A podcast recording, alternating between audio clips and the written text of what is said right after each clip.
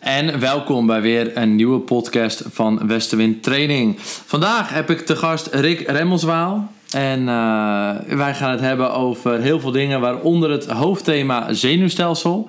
Um, Rick, het lijkt me leuk als je eerst een beetje vertelt aan de mensen die jou niet kennen wie je bent, wat je hebt gedaan in sportverleden en een beetje hoe wij elkaar kennen. Ja, tof. Ja, thanks in ieder geval dat ik hier mag zijn. Uh, we kennen elkaar natuurlijk al een tijdje, een jaar of zes nu denk ik. Misschien wel langer. Uh, dat zou echt wel, echt wel een tijd, ja. Eerste Orange Fit trainingskamp mocht ik hier toen een keertje langskomen. Dat, ja, uh, dat, is, met, dat is zo. Dat is een aantal weer een jaartje of... Nou, acht misschien wel. Ja, acht. Want ik heb de box bijna negen, ja. Ja, dat was wel een tijdje terug. Ja, goede oude nou, tijd. Goede oude tijd. Nou, in ieder geval, uh, ik ben dus uh, Rick Remmelswaal. Ik uh, heb een sportverleden als, als voetbalkeeper. En ik ben eigenlijk vrij vroeg wel op het hoogste niveau terechtgekomen in een, in een professionele opleiding. Um, dat helaas niet af kunnen maken door verschillende omstandigheden. Um, dat heeft zich uiteindelijk geleid tot, uh, tot een bak frustratie in mijn lijf. En uh, het proberen om weer terug te komen op het niveau. Um, en dat uh, heeft gebackfired op een manier wat zich in fysieke klachten heeft gemanifesteerd. Um, dat heb ik later, ben ik daar pas achter gekomen hoor, dat dit het patroon was. ik hoop niet dat het meteen zo ging. Uh, nee, nee, nee, dan had ik er wel meteen op kunnen handelen. Maar um, toen uh, ben ik na de voetbal, omdat ik daar eigenlijk helemaal klaar mee was, ben ik een beetje de crossfit ingerold. En toen... Was je toen al de opleiding van ALA-docent of ALA-docent in? Of, uh, want je bent natuurlijk gymdocent ja. via je ja. standaard opleiding. Ja, in principe ben ik, heb ik, ben ik afgestuurd ALO inderdaad. Dus ik ben gymdocent. En dat is een beetje die transitieperiode geweest. Uh, een beetje in het tweede jaar, tweede, derde jaar. Toen dacht ik van ja, waar gaat mijn voetbal heen? Nou, toen raakte ik eigenlijk zwaar geblesseerd. En toen kwam ik dus met CrossFit in aanraking. En een beetje die transitie begon daar eigenlijk te gebeuren. Ja. En toen de CrossFit ingerold. Nou, jou leren kennen. Uh, super veel dingen geleerd in, uh, in, die, in die afgelopen jaren. Um, netwerk uh, vergroot en een heel andere kijk ook op, op sporten gekregen daardoor. Mm -hmm. omdat ik natuurlijk eerst heel erg voetbalminded was. En, ja, echt een voetbalwereld had ja, je als, als sport in ja. je hoofd. En nu ineens kwam je inderdaad in de... Als sport niet, want ik dacht gewoon dat dat de wereld was. Ja. er was niks anders dan dat natuurlijk. Nee, nee snap ik. Dus inderdaad een heel ander perspectief op, op trainen ook gekregen. En vanuit daar ben ik uh, doorgerold naar uh, de performance kant. Um, omdat CrossFit eigenlijk hetzelfde backfired als uh, voetbal. Omdat ik met dezelfde intentie dat aan het doen was. Um, dat patroon kwam daarin ook terug. En toen ook een beetje de vechtsportwereld ingerold. En nu werk ik met, uh, met atleten, professionele atleten. En uh, ben ik een uh, performance en health coach. En probeer ik eigenlijk ervoor te zorgen dat uh, de meeste atleten niet op hetzelfde pad komen als dat ik kwam. Ja. Dus kijken of zij hun volle potentie kunnen, kunnen bereiken met de juiste tools. dus eigenlijk een beetje, dat is een beetje wie ik ben. Ja, dus wat je voornamelijk crossverleden, trainerschap opgebouwd, PT-coaching naast je, je gymdocentschap. Ja.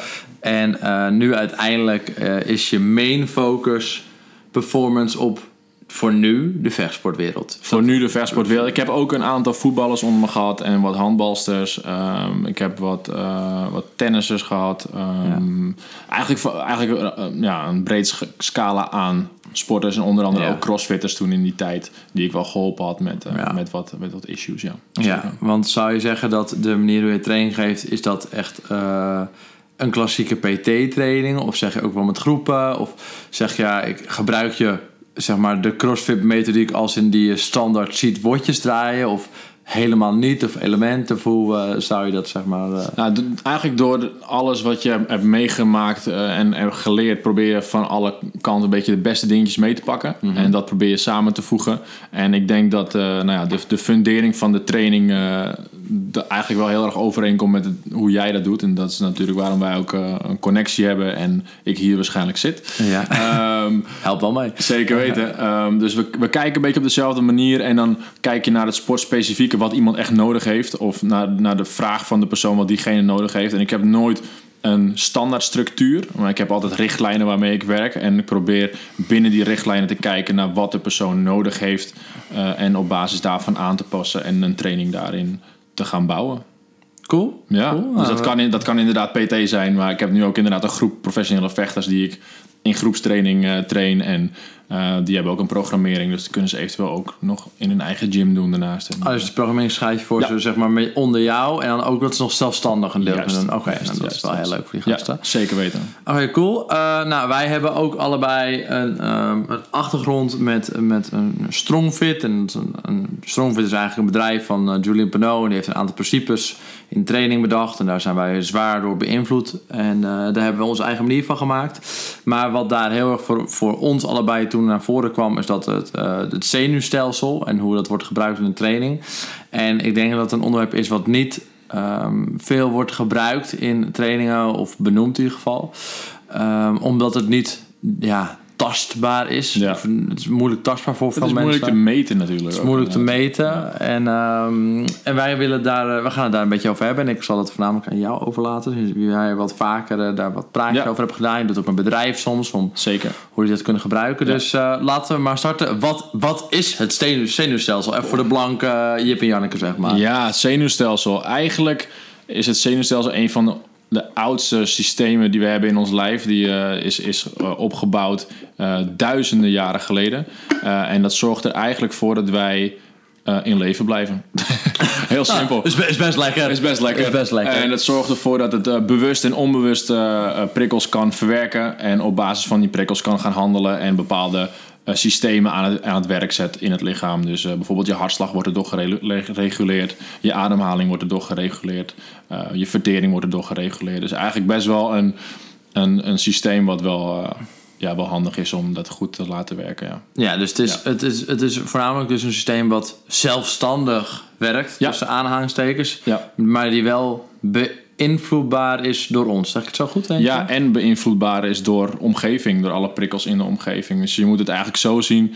Ehm, vroeger nou, gingen wij jagen. En Ja. ehm, als, je, als je naar buiten ging, dan was, je, was er dus een potentieel gevaar van buitenaf om aangevallen te kunnen worden door alles wat er gebeurt. En het- eigenlijk is het zenuwstelsel dat, hetgeen wat het dat registreert.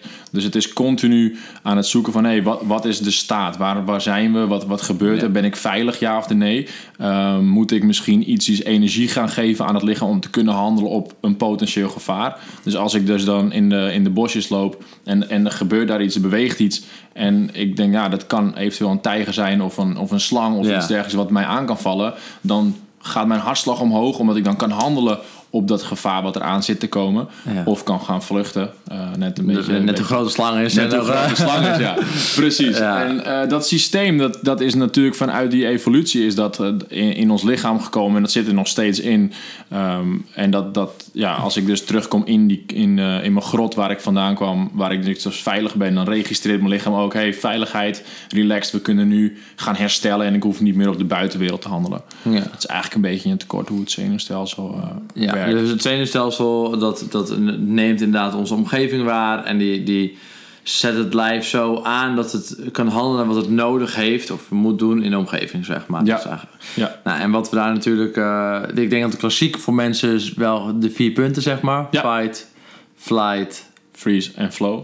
en flow. Ja, En, ehm, en dat zijn eigenlijk de, de blokjes waarin je ook overlappend, hè, maar in grotendeel werkt. ja. Dus mensen denken, fight, flight, oh wacht, dat komt bekend voor. En dat heeft daarmee te maken. En, en wat Rick net al heel mooi aankaart is... eh, ja, je kan dus in, in een fight of een flight stand gaan... maar eh, ook een flow stand of Ja. een ruststand... maar ook een freeze, Een freeze stand, dus echt het, het, het, het immobiliseren van het hele lichaam. En dat is het moment waar het lichaam eigenlijk zegt van het enige wat nu belangrijk is overleven. Ik geef alleen nog maar energie aan mijn hart en mijn brein, in principe. Ja, en dat is, ik denk dat mensen, een freeze, dat is best wel moeilijk voor mensen om te herkennen, denk ik. Ja. Maar waar het, waar het extreme voorbeeld gewoon van is, is dat je zeg maar dood speelt eh, en hoopt dat de beer je heel erg vond, maar niet dood maakt. Even Ja. om het zo maar te zeggen. Een heel mooi voorbeeld van om, om, om een freeze tastbaar te maken is eigenlijk een, een depressie of een burn-out. Eh, dat is waarin mensen niet meer de noodzaak voelen om te handelen op de buitenwereld. En puur en alleen de energie willen conserveren om te overleven. ja. En dus ehm, als jij dus 's ochtends wakker wordt en in je bed ligt en je hebt een depressie of een burn-out, dan wil je dus niet handelen op de buitenwereld. De buitenwereld die triggert jou niet om op te staan en te gaan bewegen. En dat is eigenlijk in heel de simpele mate gezegd wat het is. Ehm, dus voor de mensen die het moeilijk vinden om het tastbaar te maken, dat, dat is eigenlijk Ja, dat is wel, le- vind ik een leuk voorbeeld. Want wat, ik gaf net het extreme overlevingsprincipe, mechanisme van een freestaat.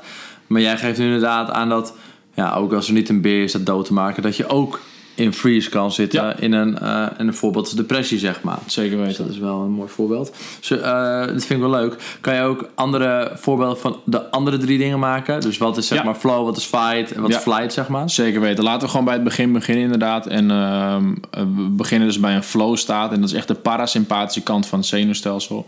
Eh, dus dat is meer gericht op rust en herstel en ontspanning. Dus als, ik, als je denkt aan bijvoorbeeld... je bent lekker aan het wandelen door de natuur... en eh, je voelt volledig geen eh, aanvallen vanuit de buitenwereld. Dus geen stressor van de buitenwereld. Je bent helemaal met jezelf, helemaal present in het moment. Ehm, dat is echt die flow staat. Is dat ook gewoon, is werk ook flow? Of is werk, eh, eh, wat voor werk? We kunnen Ja, dat, ligt eraan. Dat ligt eraan Ja. dus aan hoe jij het ervaart. En hoe jouw lichaam het vooral ervaart. Dus het kan zo zijn dat jij werkt in een flow staat. Maar het kan dan ook zo zijn dat je in een andere staat aan het werk bent. En dat is waar we denk ik wel later wel een klein beetje dieper op ingaan. Eh, maar vooral het gevoel van dat je present bent. En dat je geen eh, stress voelt. En lekker Ja. je ding aan het doen bent. Dat is echt die flow staat. Dus denk aan dansen of iets dergelijks. Dat zou echt een, een, een hele mooie Ja, flow staat kunnen zijn. in de, in de tuin een bakje doen met je partner en Ja. kinderen kan ook gewoon in principe flow staat zijn, Ja, toch? zeker weten. Zeker weten. Oké, cool. Uh, dan hebben we de fight staat. Ehm, dat is dus echt het moment dat eh, er iets externs van jou verwacht dat je erop moet gaan handelen. Maar dat je wel de controle hebt om op die stressor te kunnen gaan handelen.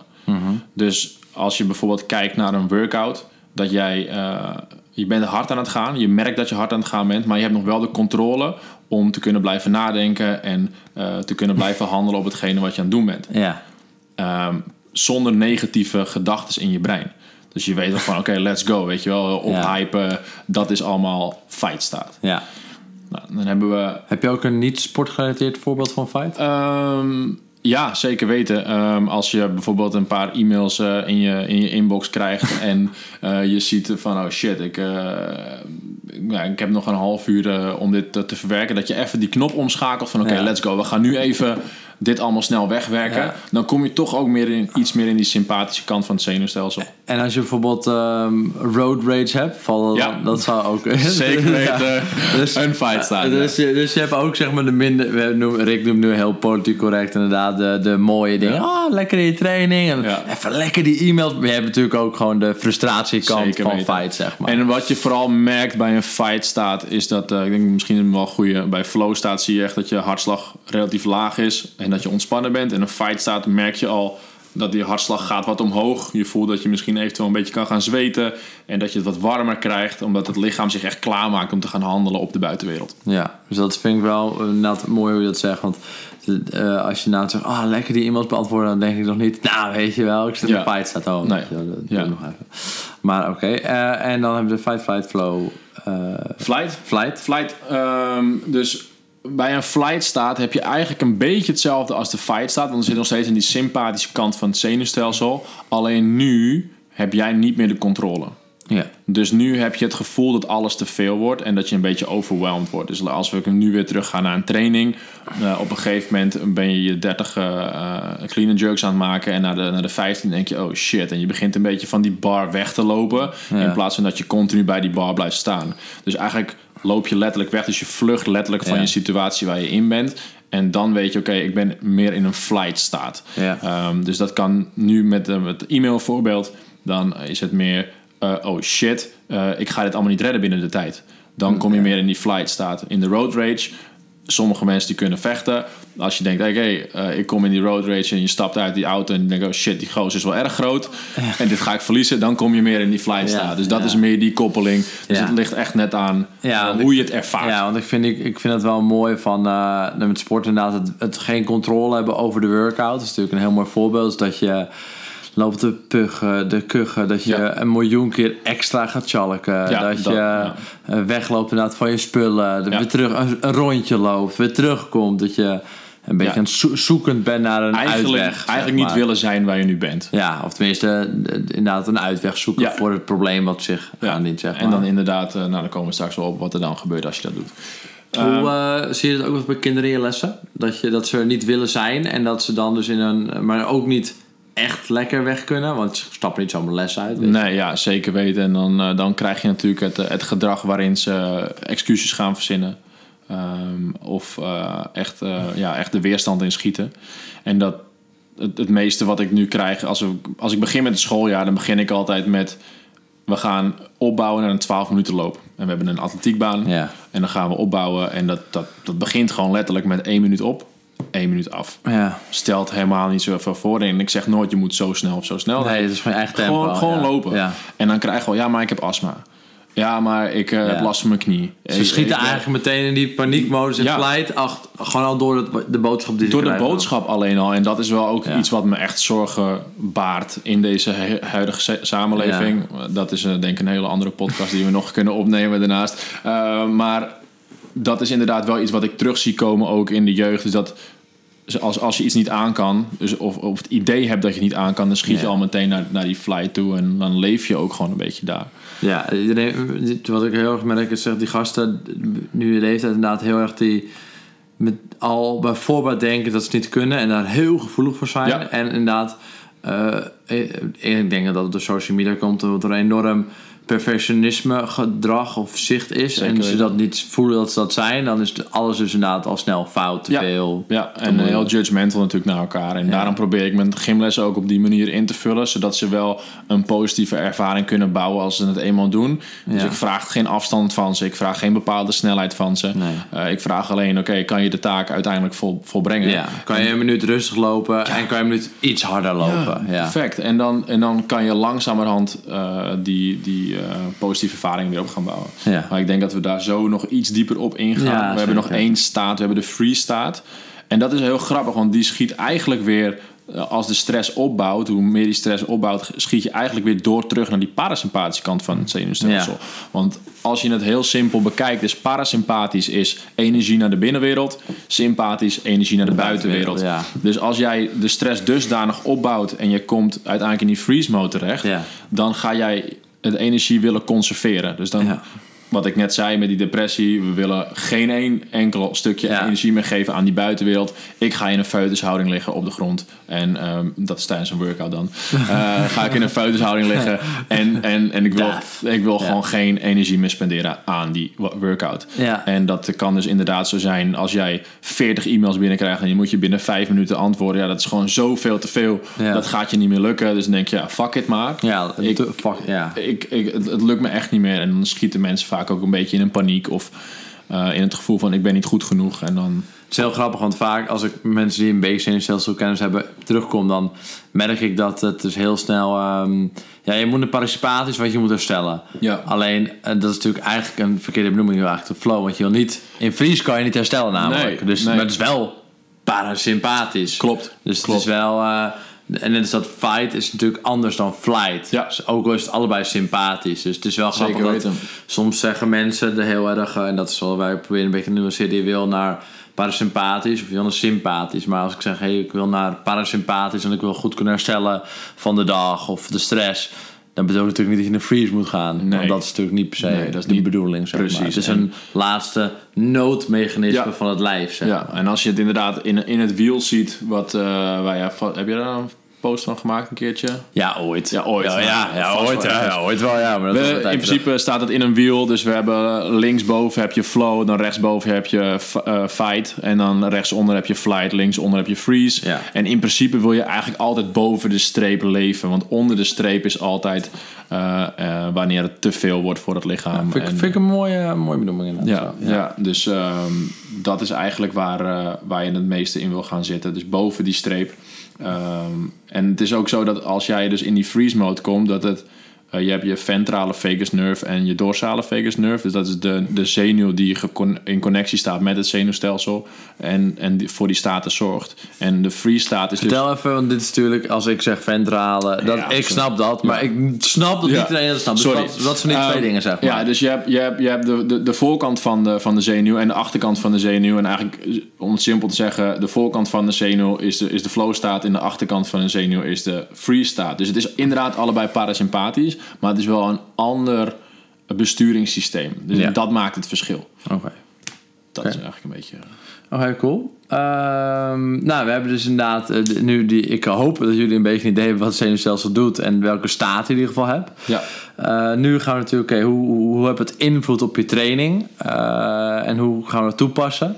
Ehm, nou, laten we maar starten met, eh, ja, hoe heeft het in- ja, vertel, hoe he- waarom heeft dit invloed? Waarom, wat doet dit op jouw training? Ja. Ik ben Truus, ik kom binnen en oké, wat heeft Truus' zenuwstelsel nu met de training te maken? Ja, dus als je, waar we het net ook al een beetje over hadden, is je hebt die verschillende staten in, in, in zijn eh, tijdens een training. En wat ik erg belangrijk vind, is dat mensen boven die streep leren leven. En eh, dat, ze, dat ze daar kunnen blijven en dat ze niet te snel naar die onderkant schieten. En het zenuwstelsel is letterlijk een meting van hoeveel kan ik een stressor aan. Ehm, dus hoe meer stress jij aan kan, hoe minder snel jij onder die streep zal schieten naar dat flight of naar dat freeze. Ja, En in principe is een training is een stressor. ja, Want het is een taak die ik moet verrichten, gehandeld op de buitenwereld. ja. Dus hoe zwaarder mijn training is, dat kan zijn conditioneel of met Ja. heel veel gewicht. En net, eh, net wat de trigger is, ehm, dat bouwt die stress op. En dat zorgt ervoor dat ik naar een bepaalde staat van zijn ga. Ehm, nou moet je jezelf afvragen in welke staat je wilt zijn bij een bepaalde training. Dus als ik een langdurige training heb, dan wil ik niet meteen full gas helemaal hem gaan, want dan raak ik heel snel op. Ja. En dan schiet ik dus al sneller naar dat flight freeze. Ehm, maar als ik bijvoorbeeld een hele korte training heb, waarin ik bijvoorbeeld met powerliften korte bursts van heel veel kracht moet leveren, Ja. dan wil ik mezelf ophypen, omdat ik toch een iets zwaardere taak voor mijn neus heb om Ja, dat te moeten dat- gaan volbrengen. Het is lastig inderdaad om in een parasympathische flow staat een 1 deadlift te trekken. Ja, dat gaat hem helaas niet worden. Nee, dat is... Nee, nee. Het is knap als je het kan, maar eh, je gaat nooit je volle potentie raken. Want je wil daarna echt vechten tegen dat gewicht en maximaal die controle hebben. Ja. Ehm, dus als je gaat kijken naar trainen, dan wil je allebei de kanten wil je uiteindelijk zo goed mogelijk opbouwen. Ehm, omdat je, je, wilt, je wilt een, een grote flow staat hebben, maar je wilt ook een grote fight staat hebben. En dat, dat ligt dus aan verschillende soorten trainingen die je doet. En ik denk dat als jij een hele sterke flow staat bouwt, dus als je lang in flow kan blijven, heeft dat een, een bepaalde functie. Dan ehm, als je daar lang in blijft, dan kan je dus een conditionele workout bijvoorbeeld lang volhouden. Ja. En dat zorgt ervoor dat je wat meer in de ontspanning kan blijven onder druk. Ja. En als jij een hele grote fight staat opbouwt, dan Ja. kan je een hele zware stressor kan je aan. Dus ik denk dat als je naar training kijkt, eh, wil je altijd het zenuwstelsel eerst zetten en kijken waar liggen jouw, ehm, jouw verbeterpunten. En daar ga je naar kijken of je dat kan trainen of wat Ja, want zoals je het zo zegt, als, als je, hoe je het nu verwoordt, zoals ik het dan zou interpreteren. Als je de, moet goed zeggen nu even. Eh, als je de sympathische kant heel breed kan maken, dan kan je veel stress verdragen. Zeg Ja. goed? Dus dan is voor crossfitters in theorie belangrijk dat die best wel weerbaar wordt. toch? Zeker Zeg weten. dat goed? Ja, ja, zeker weten. En ehm, dat is vooral echt met, met de zware gewichten, wat echt een hele heftige impact heeft. Ja. En de flow-kant is meer eh, op het conditionele vlak eh, onder controle de stress aankunnen. Ja, oké. Dus een, een, inderdaad een Cindy zal wat meer eh, hè, flow gerelateerd Ja, ja. zijn. En ja, in remliften dat het meer Dat is sympathisch meer-. Of een workout Juist. met eh, zware muscle-ups en squat snatches en alles aan de hand. Ja. Ja, en ik denk als je beide kanten goed optraint, dan kan je heel makkelijk schakelen tussen, de twee, tussen beide kanten en daarin in spelen. En als jij heel erg bewust bent van welke staat je bent en welke staat je waar moet zijn. Als ik bijvoorbeeld een workout heb met 2 kilometer hardlopen en eh, daarna vijf eh, heavy snatches en daarna weer 2 kilometer hardlopen, bij Ja. wijze van spreken, dan en ik weet wat voor staat ik ben en hoe ik me voel in die staat, dan kan ik mezelf daar houden. Dus Ja. in die 2K ga ik mezelf in die flow staat proberen te houden en de controle proberen te houden met, met mijn ademhaling, bij wijze van spreken. En dan ga ik aan de, eh, in de aanloop richting die snatches, ga ik mezelf ophypen Ja. en ervoor zorgen dat ik in die maximale sympathische staat sta, want ik moet die heavy snatches kunnen halen. Ja. Boom. En dan ga je- nou, ga daar gaan we weer naar de flow staat. ja, en dus, dus hoe beter jij je staten kent, hoe beter jij ze traint, hoe meer jij bewust bent van je eigen staat, hoe meer je daarin kan gaan spelen. Ja, het komt ook onwijs over, zoals je nu vertelt, op een, eh ja, een controle-trigger mechanisme. Ja, ja, ja wel een beetje. Het is meer de, inderdaad het herkennen, vooral het bewustzijn van je eigen, eigen signalen. Ja. Ik denk dat dat heel belangrijk is. En als we dan terug ga- gaan naar Truus, die in de, die de CrossFit gym binnenstapt. Ik denk dat het belangrijk is voor iedereen om de signalen van zijn lijf te kunnen gaan begrijpen. Ja. Zodat je weet in wat voor staat je bent. Als jij bijvoorbeeld een, een eh, hele drukke dag op je werk hebt gehad. ehm, en eh, de dagen daarvoor ook. En je bent eigenlijk al leef je al een beetje heel erg in die sympathische kant van het zenuwstelsel. eh, is het dan handig om jezelf helemaal aan puin te trekken tijdens een workout? Ja. Dat is een vraag die je zelf kan, eh, kan, eh, kan, kan stellen. Ehm, en aan de andere kant hetzelfde. Ben ik de hele tijd chill geweest en doe ik eigenlijk niet zoveel. Ja, wat, wat, een, wat een sympathische trigger is, zeg maar. Ja. Ja, eh, ben ik heel, heel erg relaxed. eh, en moet ik dan maar weer een parasympathische kant van het zenuwstelsel opzoeken? Nou ja, ik denk dat je, dat je ehm, allebei de kanten moet trainen, wat ik net zei. En eh, dat je jezelf moet afvragen, wat voor staat ben ik? Waar wil ik zijn? Wat is de stimulus van deze training? Ja. Ja, grappig. Ja, ik heb, heel ik heb altijd, ehm, als ik dan naar mezelf kijk als lesgever binnen de trainerschap, zeg maar. Ja. En zo wat ik heel chill altijd vind, of waar ik altijd heel erg van uitga, is dat ik, ik wil met de warming-up eigenlijk proberen iedereen, hoe je ook voor je werk komt, naar een flow Ja. te krijgen als basis, als startpunt. En vanaf daar kunnen mensen dan verder werken. Dat moet je een beetje lezen. Dus dat- ik denk dat dat een beetje een trainingsstukje is. Dus als jij je groep hebt en nou, iedereen probeer je een flow te krijgen door een warming-up, eh, ja, een beetje verbindenis creëren, gezelligheid. eh, Ja. weet je, we gaan wel warm worden, maar niet meteen eh, dood en verderf. Ik vind zelf het echt verschrikkelijk als ik een warming-up moet doen. Stel ik in mijn box, oké jongens, warming-up, eindig met whiteboard. Nou, we gaan starten met burpees. Nou, je kan mij niet zagrijnig krijgen dan, dan dat, zeg maar. Dus, Ja. dus ik probeer altijd warming-ups te doen die gewoon relaxed te zijn. Beetje cardio, een beetje oefeningetjes. Niet te intensief, maar wel hè, de, een relaxed Ik flow denk- staat gecreëerd, zeg ik maar. denk dat het iets heel goed is wat je zegt. Ehm, voor, voor alle atleten en de coaches out there. ehm, is het zo, zo waardevol om, eh, om, om deze informatie mee te krijgen. Om jezelf vanuit welke staat je ook komt de box in. Dat je Ja. jezelf inderdaad naar die flow staat trekt. Dat je in ieder geval jezelf veilig voelt om eh, een performance Ja. te kunnen gaan leveren. Ja. Ehm, dus ik denk dat je dat heel goed doet. En dat dat super waardevol is. Zeker weten. Ja, dus ik denk, ik probeer als daarmee te starten. En dan vanaf daar inderdaad, dan heb je inderdaad mensen die je wat harder kan duwen. Naar een meer fight kant. En mensen, ik denk dat ook, dat is truc om echt goed te coachen. Dan moet je een beetje zien als jij eh, Pieter hebt. En je kent Pieter al drie jaar in je les. En je ziet gewoon dat hij een beetje een zware dag heeft gehad. Nou, weet je. En dan moet je een beetje aanvoelen of Pieter dan die push nodig heeft. Of dat Pieter gewoon gezegd, hij gaat gewoon, we houden gewoon even. Ja. Op dit gewicht, het is goed zo. Ja, en, en dat, dat is inderdaad een, een dynamiek tussen A, coach, Ja. maar ook tussen B, Pieter zelf. ja, Dus als Pieter zelf al bewust is van zijn staat en over wat er. En als hij open is in zijn communicatie van wat er eigenlijk de hele week is gebeurd, ja, dan kunnen we aan de hand van daarvan kunnen we tweaken. ja. Dus ik heb ook wel eens een programmering geschreven voor, voor, eh, voor mijn vechters. En ik, die gast die kwam binnenlopen. En eh, la- laat hem Jack noemen. Jack die komt binnen en ik zie aan zijn hele hoofd dat hij niet klaar is voor de training die ik had opgeschreven. Ja. Ja. Wie ben ik dan als coach om hem dan wel door die training heen Ja. te trekken?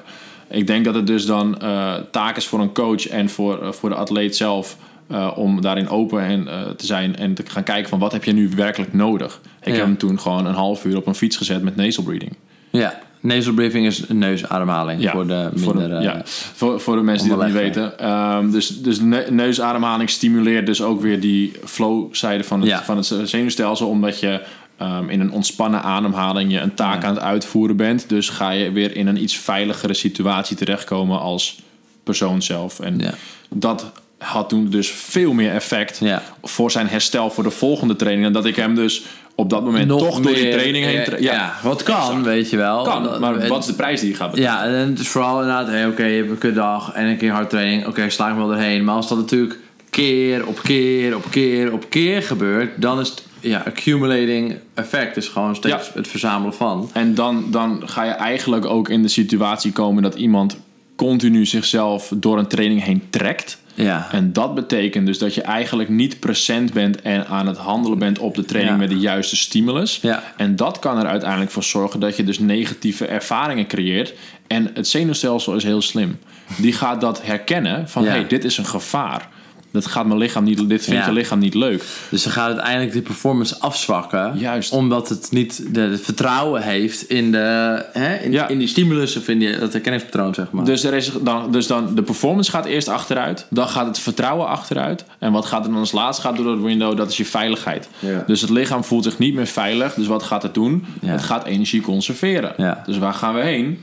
We gaan letterlijk naar die freeze mode uiteindelijk. Omdat we, en dan zitten we in een probleem. Dan zitten we in Ja, mode is niet chill voor niemand niet. Want daar ontstaan blessures, eh, frozen shoulders. Ja. eh, met depressies kunnen er ontstaan. eh, en allemaal, ja, het lijf functioneert gewoon niet meer zo optimaal, om het zo te zeggen. Nee, en ehm, als je daar eenmaal zit, dan kunnen we ook bijvoorbeeld dus denken dat je, dat je aan een trainingsburn-out. Ja, dat is een simpele versie. Dat je gewoon, eh, je gaat naar de gym omdat het gewoonte is. Maar je hebt echt geen zin meer. Je hebt nooit meer, je hebt nooit meer zin om te trainen. Ja, ja. Dat is een hele, En- ik denk klassieke crossfit burn-out. Nou ja, ik zal je dus eh, nu even terugtrekken naar mijn verhaal. Ehm, Dus ik, ehm, vanuit mijn voetbal ben ik dus vanuit de verkeerde intenties ben ik ehm, heel ongeduldig geworden. Omdat ik iets wilde bewijzen aan een ander wat ik eigenlijk dus niet op dat moment had. Ja. En dat zorgde ervoor dat ik dusdanig hard ging trainen. ehm, dat ik mezelf continu over de richel blaasde. En ik luisterde nooit meer naar mijn signalen. Ja. En eh, ja, toen kreeg je op een gegeven moment een pijntje in je schouder, een pijntje in je ditje. En, en daar niet naar luisteren, toch doortrainen. Want ja, ik ben mentaal ben ik dan blijkbaar sterker dan dat ik fysiek eigenlijk aan kan. Ehm, Ziek, slappe homo. Mentaal heel goed. Ja, nee, oké. ja. Ehm, dus dus Ah. eh, mentaal heel sterk, maar dat is, dat is leuk. Alleen als, jij, als jouw lichaam niet de tijd heeft om te kunnen herstellen van een prikkel, Nee. dan ga je continu eh, ga je in datzelfde regime zitten. Dus mijn lichaam voelde zich niet meer veilig en dat manifesteert zichzelf in fysieke klachten. Boom, nou ja, heb je een chronische blessure. Dus wat ga je doen? Je gaat wat anders zoeken. Toen kwam ik dus bij de CrossFit. Maar ik was nog niet met mijn mindset eh, zo dusdanig veranderd of ontwikkeld dat ik dat veranderde. Ik kwam in een wereld dat ik dacht van, oh, dit is tof. Oh, Weer vol gas. Weer vol gas. En dat ja. patroon had ik ook weer voor drie, vier jaar. Nou, toen kwam ik hier af en toe terecht met trainen. Ja. Oh, deze gasten zijn sterk. Ik moet net zo sterk worden. Ja. Harder trainen, nog meer trainen, gas geven. Nooit die rust pakken. Nou, boom, rug door de, door de muur heen. Eh, wat zich manifesteerde in de hernia. Ja. Eh, en dan ga je... En zo hop je eigenlijk van training naar training. En dat zie je dus ook vaak met atleten die van programmering naar programmering schieten. En dan denken van, oh, dit gaat mij redden of dat gaat mij redden. Maar dat, is, dat is niet waar. Het gaat erom dat jij eh, onveilig voelt in je situatie. En daarom zoek je weer iets nieuws. Ja. In plaats van dat je consistent blijft op je plek en geduld hebt. Ja. Dat is eigenlijk mijn hoofdthema in mijn leven, denk ik een beetje. Dat ik geduld moet hebben. Ehm, en jezelf de rust gunnen om uiteindelijk consistent kan gaan groeien. En dat is iets wat ik bij jouw programmering en met jouw mensen echt fucking goed terugzie. Is jullie zijn niet gestopt. Maar elk jaar zie je een Een mooie progressie. Een mooie progressie. Zeker. En ik, ik, kijk, ik schrijf natuurlijk mijn programmering ook met een, een, een eh, nou hoe heet het woord ook weer? Een, eh, een lijn door het hele jaar. Nou, een macrocyclus, kan je het Nee, noemen. nee, ik bedoel gewoon periodisering. Periodisering, Zo, ja. jezus. Eh, periodisering. Dus ik schrijf mijn hele training op een heel jaar. Dus je hebt kracht bouwen, naar WOTS toe, naar dat. Want ik geloof gewoon niet dat alleen maar wotjes beuken voor de meeste mensen goed is. Want het is voor de meeste mensen gewoon te veel. En het is natuurlijk een klassiek cross scenario. Wat we bij fanatiek crossfit mensen zitten. Nou, die worden fanatiek. Die gaan alleen maar rammen, rammen, Ja. rammen, rammen. Alleen maar dat sympathische. Twee, drie jaar fanatiek. Crash. Crash, En allemaal. dan, en dan, ik zie het zoveel dan, of ze zijn echt heel erg geblesseerd en ze zijn helemaal kapot. Ja. En dan moet, je, moet er iets gebeuren om ze weer dan, ja, of ze moeten mentaal sterk zijn, dan weer kunnen herbouwen en opbouwen. Dat is zijn. Maar je hebt ook mensen die gaan meteen stoppen met CrossFit, want ze kunnen het niet aan dat het niet meer Ja. lukt. Dus dan gaan ze high ropes doen. Ja. Of ze gaan eh obstacle course doen. Of powerliften of weightliften. Ja. Dus dan na een aantal jaar crashen ze binnen de sport en dan gaan ze wat anders doen. Of zoeken een hele nieuwe sport. Of weet je, je hebt die mensen die worden heel snel heel goed binnen drie Ja. jaar en dan crash. En dan is het klaar, zeg maar. En als ze dan niet mentaal kunnen herbouwen en dit kunnen zien. Eh, ja, dan is dat best wel lastig. Ja, nou, ik heb hetzelfde gehad. Toen ben ik dus eh, weer een beetje de strongman ingegaan. Toen ging ik dus een beetje meer, meer krachttraining doen eh, en minder de intensiteit opzoeken. Want waarom? Mijn Ja. lichaam vindt de intensiteit niet leuk, creëert Nee. negatieve ervaringen Ja. mee. Dus ik ga de intensiteit ga ik vermijden. Ja. Dus wat gebeurt er? Ik, ik word letterlijk minder sterk in de intensiteit. Ja. Ehm, dus op een gegeven moment denk je, oh, krachttraining, ah, ja, ah, oké, laat ik maar iets, ik ga kickboksen. Ja, je gaat iets anders je doen. gaat iets anders zoeken. Ja, klopt. En, en toen op een gegeven moment dacht ik van, wat, wacht. Je bent, je bent een patroon aan het creëren en je bent dingen aan het vermijden. Ja. Wat kan je eraan doen om alles wel weer terug te brengen, maar op een manier dat het meer sustainable is? Ja. En toen kwam ik dus bij het idee van... oké, laten we eerst eens veiligheid gaan creëren... want dan pakken we het wiel gewoon weer erbij. Ja. Laten we eerst eens mezelf veilig gaan voelen. Dus laat Ja. ik eerst meer in een flow staat gaan trainen. En al doe ik mijn krachttraining in flow staat... ik haal misschien niet het maximale eruit... maar, Maar, ja, je doet het wel. Je Ik doe het ja, wel. En je creëert, en misschien, ik denk dat mensen dat niet zo goed realiseren. Je, eh, je kan zeg maar ook op flow je krachttraining doen. eh, en dan gewoon een veilige omgeving creëren. Ja. En dat vanuit daar dan ook weer durven aan te zetten. ja, want dan krijg je vertrouwen. En dat is natuurlijk hetzelfde wat bij- bij... Je hebt veel mensen die gewoon bij bepaalde lifts een stukje angst hebben. Ja. Vooral, ik denk dat een klassiek voorbeeld de deadlift en rugklachten is. Of een squat en rugklachten. Ja. Dan mensen een keer eh, pijn hebben gehad. Ik hoor ook bij jullie hoor. ja, je is niet de enige. En, ehm, en die een keer de klacht hebben gehad. En dan worden ze eigenlijk bang voor de deadlift. Terwijl ze de kracht bijvoorbeeld wel hebben. Maar gewoon niet die veiligheid met de deadlift hebben ingebouwd. Door dat op te bouwen weer. En een st- sterke structuur te creëren. En wat meer op flow, wat easy deadlifts doen. En dan hè, dat weer op te bouwen. En dat kan, sommigen hebben daar echt heel lang voor nodig om dat weer op te bouwen. Omdat Ja. trauma, of dat, die, dat zeg maar de, de, over de richel getrapt zijn. Ja. Weer terug te krijgen, zeg maar. En dan zie je inderdaad dat, dat mensen misschien als ze, voor, als, ze, als ze op het programma zien staan deadlift... Is het al... zit ze al in flight. Ja, het Dan is het al- on. Weet je, oh, ik ga wel niet trainen. Ja, of inderdaad dat zeggen, ja, dat doe ik niet. Of inderdaad heel, vei- heel de extreem andere veilige kant. Maar, maar ga dan eens een keer, als jij voor jezelf eh, een, een bepaalde beweging of een bepaalde training hebt wat je echt tering eng vindt, ja. begin eens gewoon met een stuk minder. Dus ga, spring Ja. niet meteen van 10 meter brug af, maar spring eens een keer van de 2 meter brug af. ja, het is, Oh, het is oké. Spring daarna van de 4 meter brug af. Bij wijze van spreken. ja, het is gewoon opbouwen. En ook met dat, ik vind het heel erg, en dat, ik heb dat best wel veel gezien, is als mensen echt bang zijn voor bepaalde lifts, dan vind ik ook dat je dat los van het rustig opbouwen, dat ook gesegmenteerd moet trainen. Dus als ik een deadlift pak, kijk, je kan een deadlift doen alleen te deadliften, maar je kan ook blockpulls doen, of Ja. pinpulls, Ja. of eh, bandit deadlifts, waardoor alleen de top wat zwaarder wordt. En terwijl je misschien de bodem het moeilijkst vindt. En je kan stiff-legged deadlifts doen en je kan deficit. Dus je kan dan zoveel meer dat knippen om op een andere manier vertrouwen en op de achtergrond heel sterk je zwakte waarschijnlijk te fixen. Kijk, en dat gebeurt gewoon heel weinig in training. En dat vind ik heel zonde. Los van dat het niet bij, misschien niet bij het zenuwstelsel hoort. Nou ja, maar dat is 100% wel. Het is wel ja, Nou ja, het, knip- Ja. het knippen dan niet, Het- maar het, kan wel een, een, een eh, implementatie op training en Ja. zenuwstelsel zijn door, door dat te doen. Oké, Ja. als ik eh, inderdaad mezelf heel erg onveilig in een bepaalde positie voel, Ja. laten we die dan inderdaad knippen door een, door een eh, segmentatie te doen van de, van de oefening. Eh, daar gaan we bouwen en dan kunnen we uiteindelijk weer de gehele deadlift doen, omdat we dan onszelf weer veilig voelen, omdat je dat stuk hebt getraind waar je jezelf in zwak voelt. Ja, dus en ik denk dat weer, ik, ik heb zelf hier een heel praktisch voorbeeld voor, denk ik zelf. En ik denk, Rick herkent het ook wel erg. Dus ehm, we hebben nu steeds zelfs een, maar ik snap dat voor mensen nog steeds wel het vaag kan overkomen. Ja. Begrijpelijk, helemaal oké. Ik denk dat een mooi voorbeeld is, is eh, je wil veiligheid creëren en je wil winnen en je wil sympathisch gaan. Nou, dan moet je dus die, ah, weet je wel, die, die fight voor creëren. Ja. Maar je wil het wel veilig doen. Nou, ik snap dat dat een beetje raar is. Hè? Ja. Want die, eh, zwaar gewicht, pap. Maar veilig. Oké, hoe ga ik dat doen? Maar je kan ook sommige Ik voel, oefeningen... ik voel me voor, de, even voor, voor een voorbeeld, ik voel mezelf niet veilig onder een 1 en back squat. Nee, en terwijl iemand anders die dat heel, die kan het heel anders ervaren, Ja. zeg maar. Dus, we, maar stel, Rick zegt, nou, ik wil, eh, ik heb lower body day, ik wil een, eh, ik wil mijn squat opbouwen eh, en ik wil me wel veilig voelen, maar ik zit eigenlijk in een, een depressie of zwakke staat of in ieder geval een flight stand. Ja. Dan zou je oefeningen kunnen doen waarbij je makkelijk feiten kan opzoeken, maar die wel veiliger zijn voor je zenuwstelsel. Ja.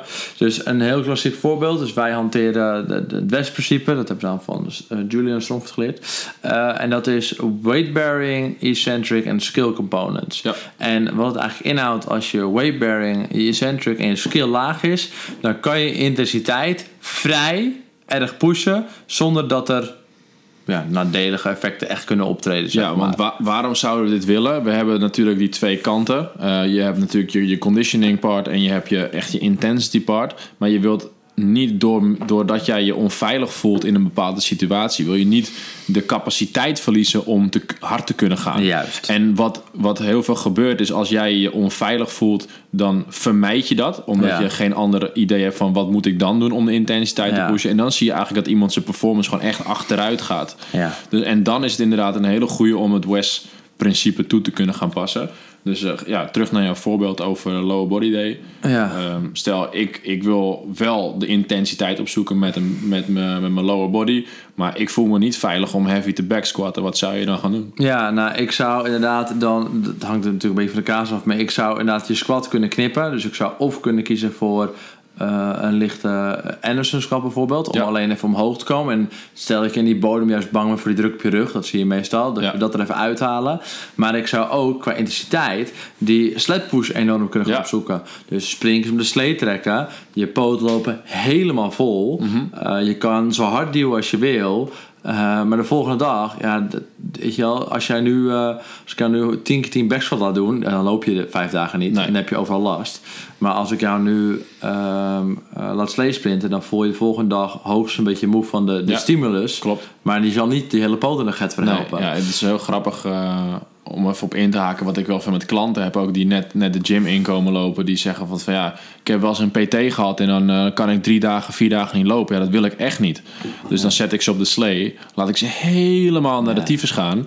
En dan zegt ze, ja, maar dit, dit, dit wil ik niet. Want, en dan ik zeg ik, hou even je mond, app me morgen. Ja, En dan zegt ze, hé, ik heb helemaal geen last. ja, dat vind ik zo heerlijk altijd. En dan creëren ze dus inderdaad die positieve ervaring met intensiteit. Ja, want ze hebben dus niet die backfire. Ze hebben intensiteit kunnen pushen. Ja. Ze waren helemaal af. Ja. Eh, ze, nou, ze hebben niet direct daarna een pijn, zeg maar. En de dag erna ook dus niet. Dus Ja. je, je geeft dan ruimte voor veiligheid in je Yep. zenuwstelsel. Zeker waardoor je dus intensiteit ook weer verder leert pushen. En dus je sympathische kant kan opbouwen. Juist. En, dat is natuurlijk zo mooi. En dan ga je uiteindelijk inderdaad groeien naar de wat meer hogere skill bewegingen. Eh, en dan zou je bijvoorbeeld inderdaad kunnen denken aan... eh, we gaan wat zwaardere carries doen.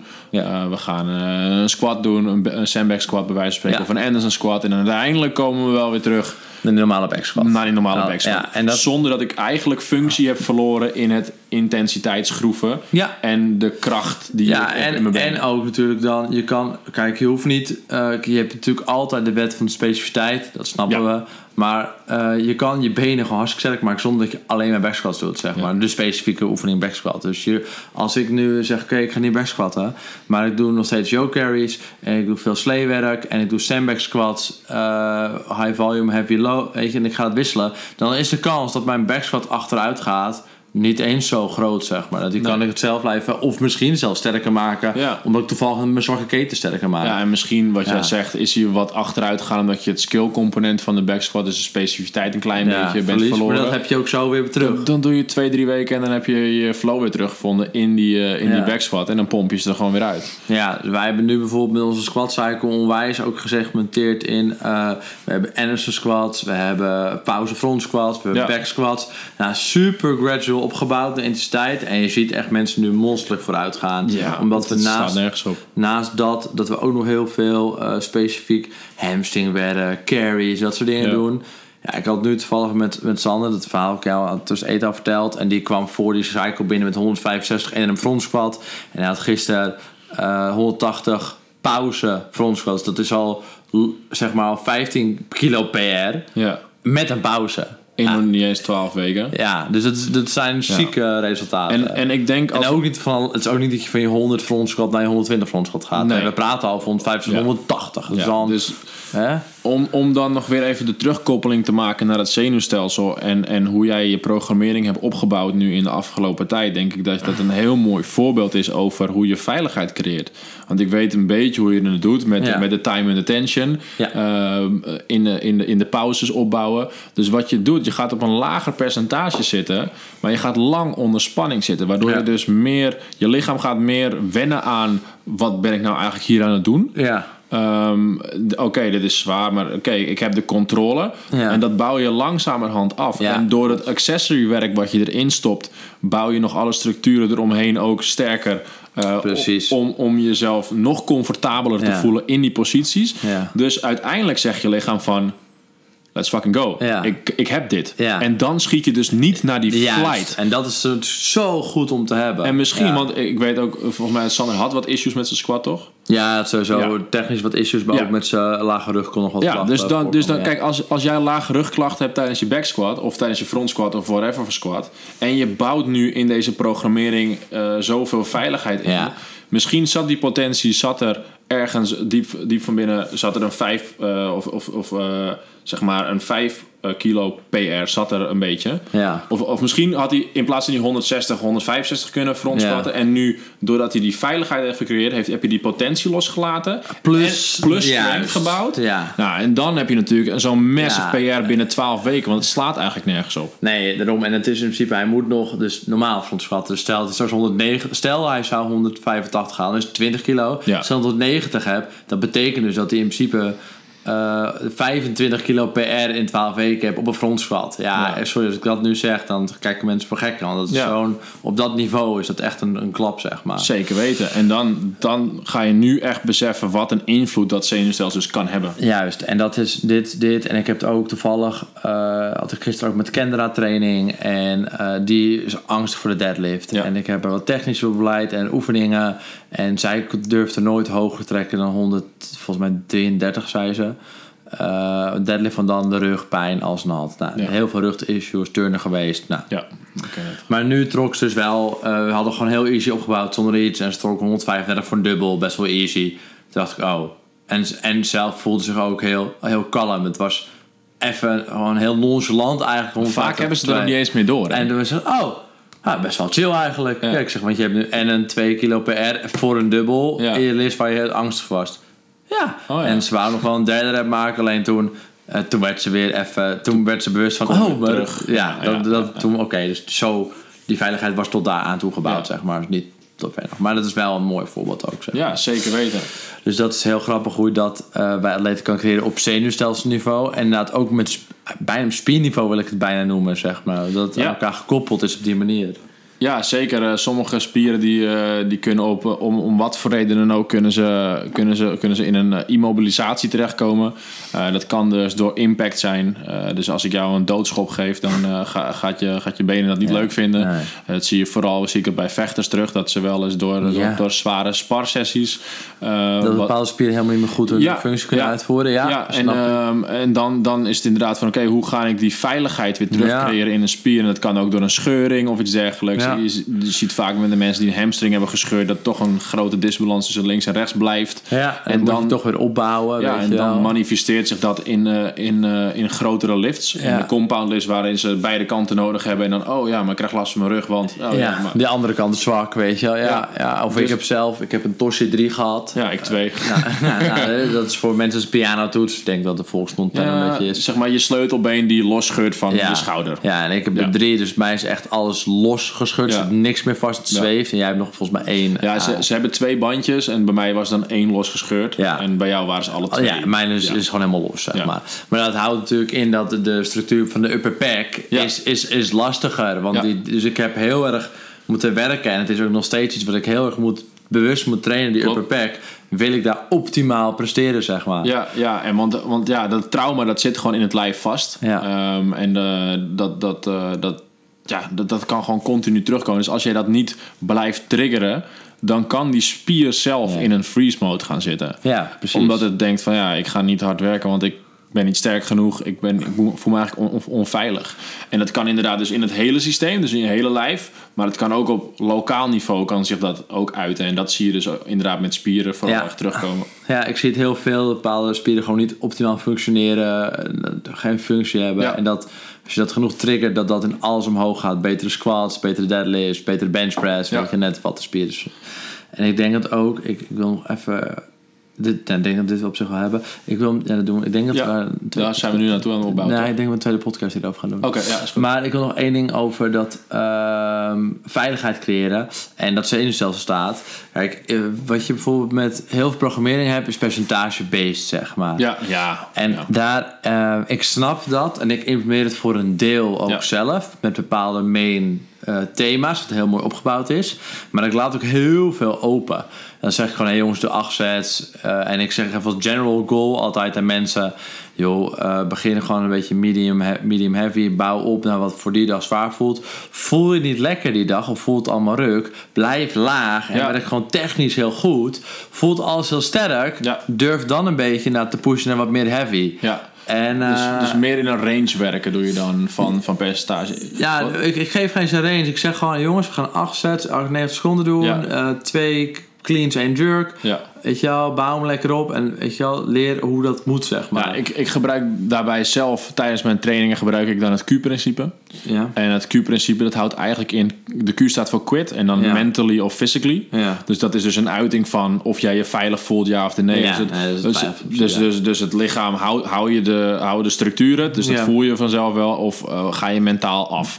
Ja. Ehm, en dat, dat is aan de, aan de hand van de staat waarin je bent die dag, maak ik dan een keuze. Ga ik Q min 3, Ja. dus ga ik echt op veiligheid zitten. Ja. Ga ik Q min 1, Ja. dan zit ik op vertrouwen. Ja. Of ga ik Q plus 1 en dan zit ik op performance. Ja. En dat is dus hoe ik kan kijken. Oké, er staat bijvoorbeeld 70%. Oké, eh, om het heel even met nummers te maken. Ja. Wat je net aangeeft. Oké, misschien 70%. Maar misschien voel ik me helemaal wel niet lekker op 70%. Dus ga ik eventjes op, voor vandaag op die Juist, 60%. ja. En ja, zo is het een Zo, beetje. ja. En ik geef dat mensen zelfstandig de vrijheid in. Maar dat probeer ik dan te communiceren vaak. En dan, mannen vinden dat vaak wel oké. Vrouwen vinden Oh. dat echt terror. Ja. Nu weet er niet wat er van mij Wordt verwacht. Ja, error. Ja. En zegt nee, gewoon hoe het voelt. Hoe het voelt? het kijk, voelt. kijk ze maar aan. ja, ze willen structuur. Ze, ze willen gewoon weten wat ze moeten voelen. Dat is heel bizar. En eh, uiteindelijk als mensen het vaker doen, dan leren ze dat... eh, hoe heet het met een mooi woord? Ze self-regulate, zeg maar. Ja. Ze leren hun eigen regulatie van hoe hun lijf überhaupt werkt, hoe het voelt. En dan zijn ze gewoon veel sterker atleten. Want dan kunnen ze dus heel snel in hun eigen trainingen in het leven ook beter schakelen. Overal kan je schakelen. Omdat je dus, ja. En dan komen we weer terug op het begin. Het gaat erom dat je bewust bent in welke staat je bent en in welke staat je moet zijn. En wat je op dat moment aan kan en hoe je kan schakelen tussen Ja. de verschillende staten. Ja. Hoe kan je jezelf ophypen naar daar? Of hoe moet je jezelf downreguleren naar daar? Ja, en ook dat, dat is ook iets, en dat, dat komen we dan is misschien het thema bijna zelfregulatie met het zenuwstelsel. Kunnen schakelen en ook een stap terug kunnen nemen. Dus ik denk dat voor mij een heel mooi voorbeeld was. Afgelopen weekend voelde ik me mentaal gewoon kut. Ik zat er niet lekker in. Eh, we gingen een sessie doen en we hadden eerst eh squats. Nou, die heb ik gewoon, gewoon prima gedaan. Maar toen hadden we een yoke race en dat voelde op zich wel oké op mijn lijf Ja. gepusht, PR gehaald. Terwijl van tevoren voelde ik me echt kut, Ja. slecht. Heel ballistic gaan. Oh, chill. Voelde ik me ook heel blij meteen daarna, want je hebt een overwinning geboekt. Tuurlijk, Dat is natuurlijk euforie. chill, euforie. Nou, dan hadden we eh row pulls en bench. Gast weer een beetje terug. Ja. Want ik merkte al, oké, ik had uit het niets eigenlijk gepiekt sympathisch. Ja. Maar oké, ik schakel nu weer terug naar wat meer flow. Lekker mijn ropels en. Ja. Goed gevoel van die pomp. Lekker. En toen bijvoorbeeld de WOD, dan hadden we nog een optionele workout. Nou oké, ik heb be- best wel uit het niets die piek opgezocht en flow. Ik ga nu nog even uitfietsen, stretchen. Uitfietsen. Perfect. Het is goed, Perfect. weet je, het is goed. En- En, anderen kunnen we hebben, ah, ik wil nog even beuken. Ja. Ook cool, weet Ja, je wel. dus niet bang wezen om inderdaad te schakelen en te luisteren naar je lijf. Ja. En ik snap dat voor als je atletische prestatie hebt, moet je af en toe ook hè, dat leren Soms uitzetten. moet je je bek houden Soms moet je gewoon je bek houden, gewoon gaan. Dat hoort er ook bij. Zeker als je topsport Ik heb doet. dat, eh, om dat misschien nog even praktisch te maken voor, voor atleten. ehm, hoe, hoe, verder we in, hoe verder we naar game season gaan, dus naar, echt naar wedstrijd, Ja, hoe ja. meer ik dan naar het performance gewoon van oké, shut up en doe het werk. Ja. Hoe meer we in off-season zitten, zit Dan ik wat meer op, de, op de gezondheidskant en meer op hey, hoe gaan we het systeem gezond houden. En dan schakelen we dat steeds meer af richting een wedstrijd. Ja, en wij hebben het nu ook, wij zitten nu in een onwijs krachtblok. Programmeer in principe op open, semi, weet je, Ja. quarterfinals. Dus dat is pas in februari, begint dat pas. Ja. Ja, maar nu is het gewoon kracht, sterk worden en WOD zijn optioneel, zeg maar. En Ja. het is van, ja, heel veel mensen zeggen ook, ik vind het heerlijk dat ik geen WOD hoef te, Te doen. doen, ja. Gewoon dan, het is goed zo. Maar als je dus ook kijkt naar, jou, naar jouw eh, programmering voor een jaar eigenlijk. Je begint eigenlijk een soort van flow. Fla- Fundament, fundament bouwen, een beetje ja. veiligheid creëren. Ja. Zodat je uiteindelijk het vertrouwen hebt als we de intensiteit gaan opschroeven. En zodat je tijdens game season gewoon niet meer hoeft na te denken. Omdat Maar je gewoon, weet, je je weet mijn lichaam kan dit aan. Ja. Let's fucking go. Ja, ja. En zo zie je ook weer dat wiel dus een beetje terugkomen. Ja, in, en je eh, ziet vooral op mensen die het langere tijd doen, die echt een hele seizoenscycle hebben kunnen doen. Ja. En die mensen zie je het allerbeste. Ja. En ik heb natuurlijk ook, ik, ik ben natuurlijk ook een online program. Ik heb ook programhoppers. Die Ja, tuurlijk. maand af, weer weg. Ja. Twee maanden, nee toch niet. Die Ze- heb je ook ze wel. even spieken. Even spieken, even kijken, even Ja. snap ik, is oké. Ja. En eh, die, die mensen heb ik ook. Maar, dat- Ja. en, ehm, maar je hebt ook mensen die echt een hele cyclus hebben gedaan. En die zien gewoon op alle fronten, oh wow, dit was zo'n effectief jaar voor mij. Ja. Omdat ze alles fases hebben kunnen doorlopen. Ja, en, en, en ik denk ook dat dat de mensen zijn die dan de rust erin hebben gevonden. Ja. En vooral de mensen die eh, even komen spieken of even komen hoppen, dat zijn nog steeds de mensen die niet bewust zijn van zichzelf. Ja, En, vaak wel. En, Ja. en continu op zoek zijn naar iets. iets. Ja, nee, klopt. Dat, dat Ja. zie ik heel veel terug inderdaad. Ja. Ja, Cool. Ik denk dat we hier wel nu genoeg over vertellen. Ik denk dat we stiekem nog best wel een lange podcast hebben gedaan. Ehm, dus ik denk dat het een mooie afsluiter is voor vandaag. Eh, Rick Remmelswaal op Instagram ook bekend als Rick, Rick Remmelswaal. dat is lekker. Ja. Ehm, zoek hem naar de pop, volg hem. Ehm, Thanks. Dat komt helemaal goed. Eh, en ik denk dat we, eh, ik denk dat we straks of een andere keer nog een podcastje doen over een ander heel leuk onderwerp. Over Ja. sympathisch en neopreen. En ook herstellen. En, Dus een ander- parasympathisch. Het parasympathisch. Ja. Dus ook bestaat alleen op een andere insteek. Dus nu een beetje trainingsinvloed. En straks een ander kantje. Dus ehm ja, dit was een training jongens. En eh, weer bedankt voor het luisteren. Tot de volgende.